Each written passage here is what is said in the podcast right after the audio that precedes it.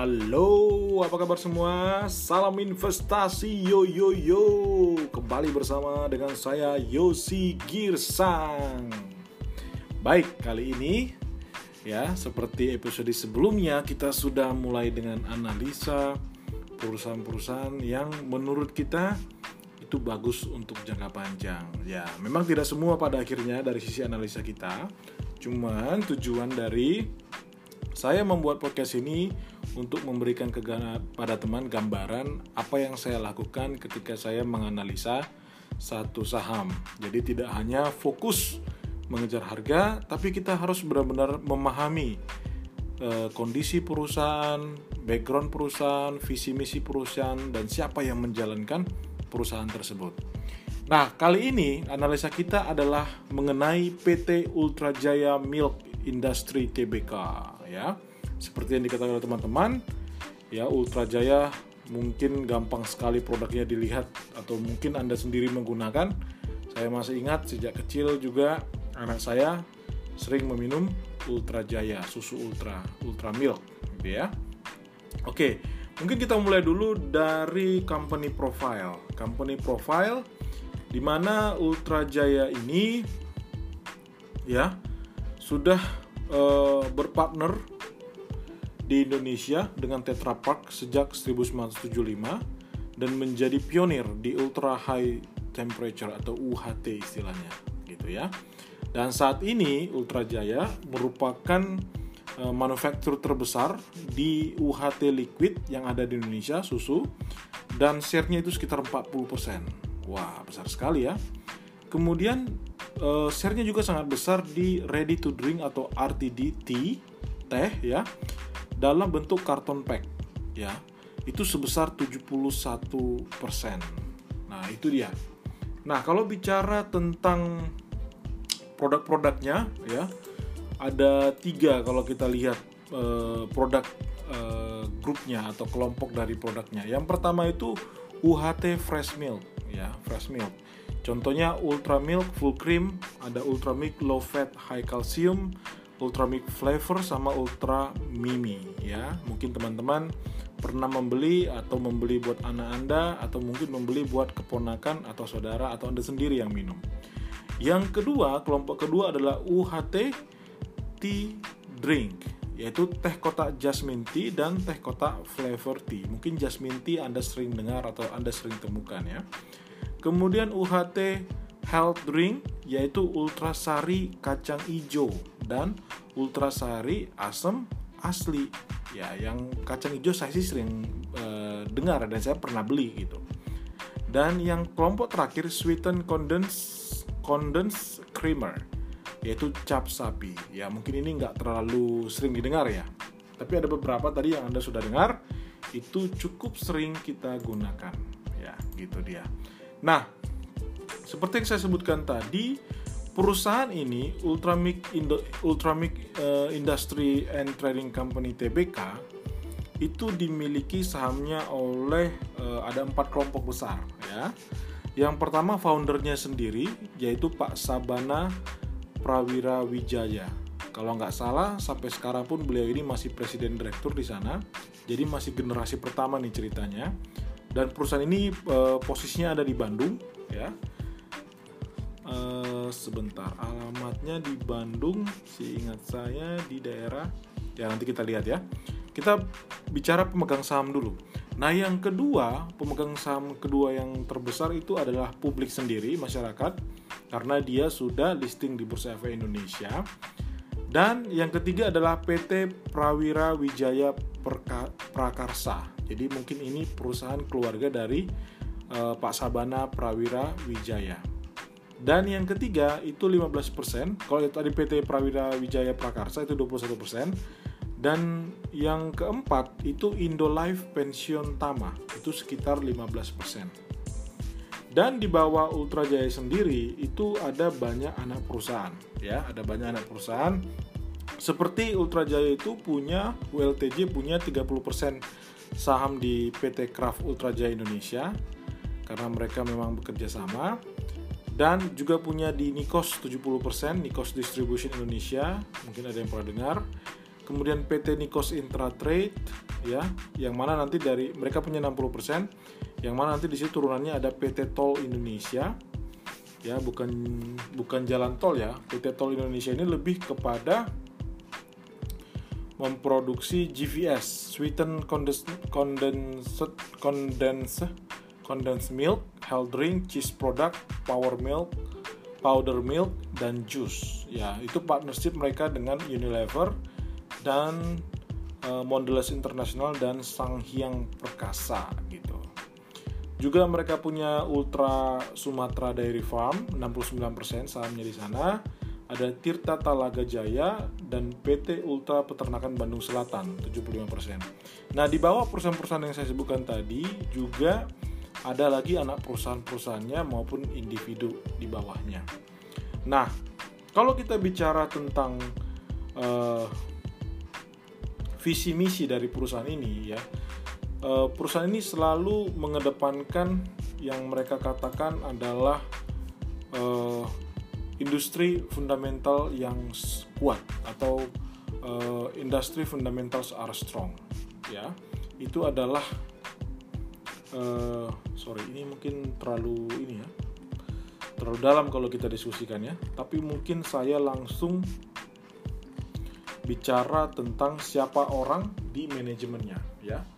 Yang pertama uh, founder dan presiden direktur ya ada Pak Sabana Prawira Wijaya yang saya bilang tadi mereka uh, membangun Ultra Jaya itu sejak tahun 1971 ya dan juga pernah uh, dan juga saat ini menjadi komisioner di PT U, di PT Kraft Ultra Jaya yang tadi bersama dengan Kraft semenjak tahun 94 dan presiden komisaris di PT Campina Ice Cream sejak tahun 95 sampai 2017.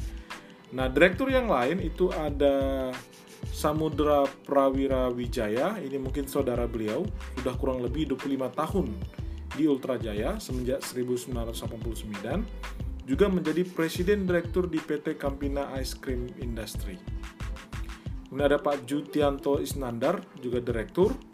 Kemudian Chief Financial Officer-nya ada Rob Newenjik, Newendik ya. Sudah di sana di Ultra Jaya sejak 2011. Sebelumnya beliau ada senior manajemen di salah satu leading dairy companies di Friesland Campina dan Royal Numiko NV. Kemudian ada Ibu Siska Suryawan, head marketingnya, Pak Rahmat, uh, Fleming Skemit di General Manager Engineering dan Henry Core. Henry Core. Nah, bagaimana dengan Board of Commissioner-nya ya? Presiden komisarisnya ada Pak Supiandi Prawira Wijaya ya. Juga beliau adalah founder sama dengan Pak Sabana tadi dan pernah juga menjadi deputi director semenjak tahun 71 sampai 80. Kemudian Ibu Endang Suharaya, eh, beliau adalah komisaris independen. Ya. Dan beliau itu eh, pernah juga menjabat di beberapa posisi di Jawa Barat ya. Eh, tampaknya ini mungkin Head of Department of Animal Husbandry of West Java Provincial Government jadi Provinsi Jabar gitu ya dan beliau dulu lulus di dari Bogor Institute of Agriculture di bagian Faculty of Veterinary ya. Kemudian Pak Suharsono Sagir juga beliau adalah komisioner.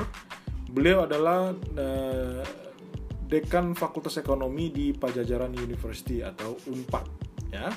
Beliau juga ekspor staff dan chief commander of Security and Order of Republik Indonesia tahun 78 sampai tahun 83. Dulu beliau lulus dari jurusan ekonomi di Unpad tahun 60. Jadi sudah senior-senior semua.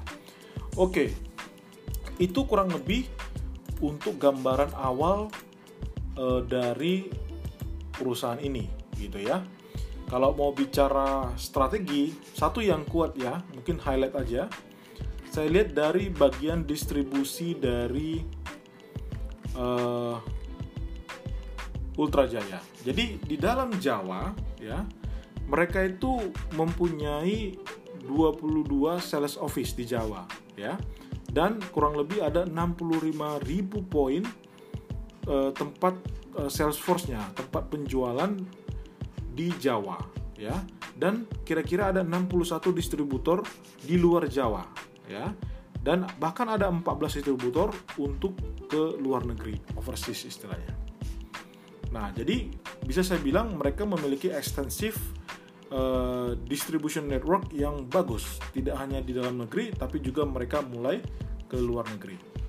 Baik, mungkin itu dulu untuk gambaran secara kualitatif. Nah, sekarang kalau kita lihat kuantitatifnya dari laporan keuangan, eh, lima tahun yang lalu ya bisa dibilang perusahaan ini bertumbuh terus ya. Kalau kita bicara simple dulu bicara tentang eh, apa namanya debt to equity ratio, perusahaan ini juga cukup kecil bahkan sangat kecil ya, hampir nol kali. Jadi bisa dikatakan debt itu hampir tidak ada. Terakhir di kuartal ketiga itu hanya 51 miliar ya dibandingkan dengan ekuitas perusahaan yang mencapai 5 triliun ya. Jadi bisa dibilang hanya 0,01 saat ini posisi dari debt to equity rasio dari uh, perusahaan. Nah, itu dia. Nah, sekarang bagaimana dengan sebentar saya lihat dulu bagaimana dengan laporan keuangan terakhir eh, mengenai perbandingan antara kompensasi yang diberikan kepada karyawan ya terhadap pemasukan dari pelanggan. Jadi kita melihatnya di bagian laporan keuangan di cash flow, arus kas ya. Nah, untuk karyawan ya, itu dia dalam tiga quarter di 2019 itu kompensasinya kurang lebih sebesar 219 miliar ya di 219 miliar. Sementara penerimaan kas dari pelanggan itu 4,9 triliun. Ya artinya 10% aja pun dari 4,9 triliun itu 490 miliar. Artinya ya kurang lebih hanya 5% jadi pengeluaran dari sisi uh, uh, karyawan dan direksi lainnya itu hanya 5% dari total penerimaan kas dari pelanggan. Jadi bisa dibilang karyawan yang di dalam juga berkompetensi ya, berkompetensi untuk mendeliver produk dan uh, cash flow yang bagus terhadap perusahaan. Nah, bagaimana dengan pertumbuhan uh, penjualan ya? Semenjak tahun 2014 itu mencapai 3,9 triliun dan itu naik terus hampir setiap tahun ya bahkan di 2017 sudah 4,8 triliun 2018 5,4 triliun dan di dengan laporan keuangan kuartal ketiga 2019 itu diproyeksikan ya kalau kita ambil TTM yang disetahunkan uh, trailing 12 months itu menjadi 6 triliun jadi ada kenaikan kurang lebih nanti 9% atau bahkan 10% di tahun ini ya itu kemungkinannya sedangkan profitnya sendiri profit dari perusahaan ini itu juga naik terus ya. Di 2014 itu hanya 291 miliar. Kemudian di 2017 sudah 718 miliar, turun sedikit di 2018 menjadi 700 miliar. Ya, sekarang balik lagi on track. Kuartal ketiga saja itu sekitar 814 miliar. Kalau kita setahunkan itu menjadi 906 miliar. Kalau cara mensetahunkan sudah tahu ya, jadi kalau misalkan ini kuartal ketiga, berarti kita tambahkan dengan kuartal keempat di 2018. Yang mana rumusnya adalah kuartal atau full year 2018 dikurangi dengan uh, kuartal ketiga 2018 sehingga kita dapat kuartal keempatnya 2018. Nah, profit margin juga bagus ya. Itu pernah sih dulu di 2014 itu hanya 7%, tapi naik terus ya, lumayan levelnya naik jadi dia dua digit di 2017 itu 14%, 2018 kurang lebih 13%, dan di 2019 ini 15%. Jadi masuk ke requirement yang atau persyaratan yang kita buat which is minimal 10%. Sedangkan return on equity itu juga masih double digit, dua digit ya. Itu di angka di kuartal ketiga ini ya, itu sekitar kalau kita setahunkan sekitar 16,98%. Jadi masih di atas syarat yang kita kejar yaitu 15% minimum. Nah, itu dia. Sedangkan cash flow perusahaan itu juga cenderung positif ya. Walaupun tidak konsisten naik ya. Jadi misalkan nih tahun di 2014 itu 128 miliar naik ke 2015 669 miliar sempat sebenarnya di 2017 itu menjadi 1 T kalau disetahunkan kalau dalam setahun 2018 itu turun menjadi 575 miliar dan uh, per uh, setahun kan di tahun ini di kuartal ketiga itu kira-kira sebesar 537 miliar. Investasi juga masih terus berjalan dan financingnya uh, bisa dibilang sangat uh, cukup kecil lah untuk uh, oh sorry financingnya uh, perusahaan ini juga rajin membagi dividen ya. Kalau kita lihat di laporan keuangan sebentar ya. Ya, di tahun kuartal ketiga 2019 ada pembayaran utang pembelian mesin 27 miliar, pembayaran utang bank ya walaupun tambahnya juga nggak begitu besar 36 miliar, kemudian ada pembayaran dividen ini yang besar 149 which is itu membuat para investor harusnya happy dong ya gitu ya. Nah sekarang bagaimana? Jadi kalau kita lihat tadi parameter-parameter tadi eh, di mana dernya bahkan hampir nol gitu ya. Kemudian rasio antara kompensasi terhadap karyawan direksi dan yang lainnya dibagi dengan penerimaan dari pelanggan itu eh, sekitar 5% ya. Biasanya batasnya kita ambil 10% jadi masih di bawahnya. Kemudian laba bersih juga cenderung naik terus ya. Penjualan juga naik dan ternyata profit margin juga di atas 10% which is 15% dan return on equity atau ROE itu juga di atas 15% which is hampir 17% di tahun ini. Nah, sekarang kita valuasi dengan PE ratio. PE ratio. Saat ini uh, saya membuat podcast ini, podcast ini kurang lebih harga dari Ultra Jaya per lembar saham sekitar 1.600, sekitar 1.600 ya. Nah kalau kita lihat PE ratio terendah dari Ultra Jaya selama lima tahun terakhir itu kalau kita rata-ratakan di angka 17,6. 17,6. Artinya kalau kita mau beli sebaiknya di PE ratio 17,6. Sementara harga 1600 ya dengan EPS yang disetahunkan saat ini 77 itu uh, PE rasionya atau pernya 20,8 jadi masih bisa dibilang di harga yang belum diskon. Lalu pertanyaannya harga berapa dong yang diskon ya? Harga diskonnya itu adalah di sekitar angka 1350 jadi kalau kita hitung dengan EPS 77 dengan harga 1350 itu angkanya kurang lebih pernya sekitar 17,5 kali. Ya hampir eh, bisa kita buat ke 18 kali lah gitu. Jadi anda kalau mau beli itu di harga 1350 itu eh, start mulai belinya gitu ya. Bisa turun lagi sampai ke per 15 jadi kalau kita lihat harga di tahun ini eh, di tahun lalu 2019 ya harga terendah itu dia pernah di 1200 ya bahkan 1350 itu sendiri itu pernah dicapai terakhir itu di Ultra Jaya itu sekitar bulan Juni. Jadi Juni 2019 itu sebenarnya akhir Juni itu harga ini masih keluar sebenarnya. Jadi kalau anda misalkan membeli pada waktu itu walaupun harga terendah di 2019 itu bisa mencapai 1200 ya which is kalau anda bisa dapat itu lebih bagus lagi. Tapi kalaupun anda beli di 1350 ya saat ini dengan harga sampai akhir tahun e, Desember kemarin ya itu lumayan naiknya sudah hampir 23%. Nah, sekarang kalau mahal dikategorikan berapa PE rasionya? Rata-rata PE rasio tertinggi selama 5 tahun terakhir itu 22,7 ya, 22,7. Which is itu kalau kita bilang e, mahal itu atau kita mulai jual kalau kita sudah di harga 1700 1770 coba ya 1770 benar lagi 1750 ya di 1750 jadi kita mulai jual uh, sudah termasuk mahal ketika harganya 1750 which is uh, paling tinggi di 2019 itu ada di harga 1730 sebenarnya gitu ya.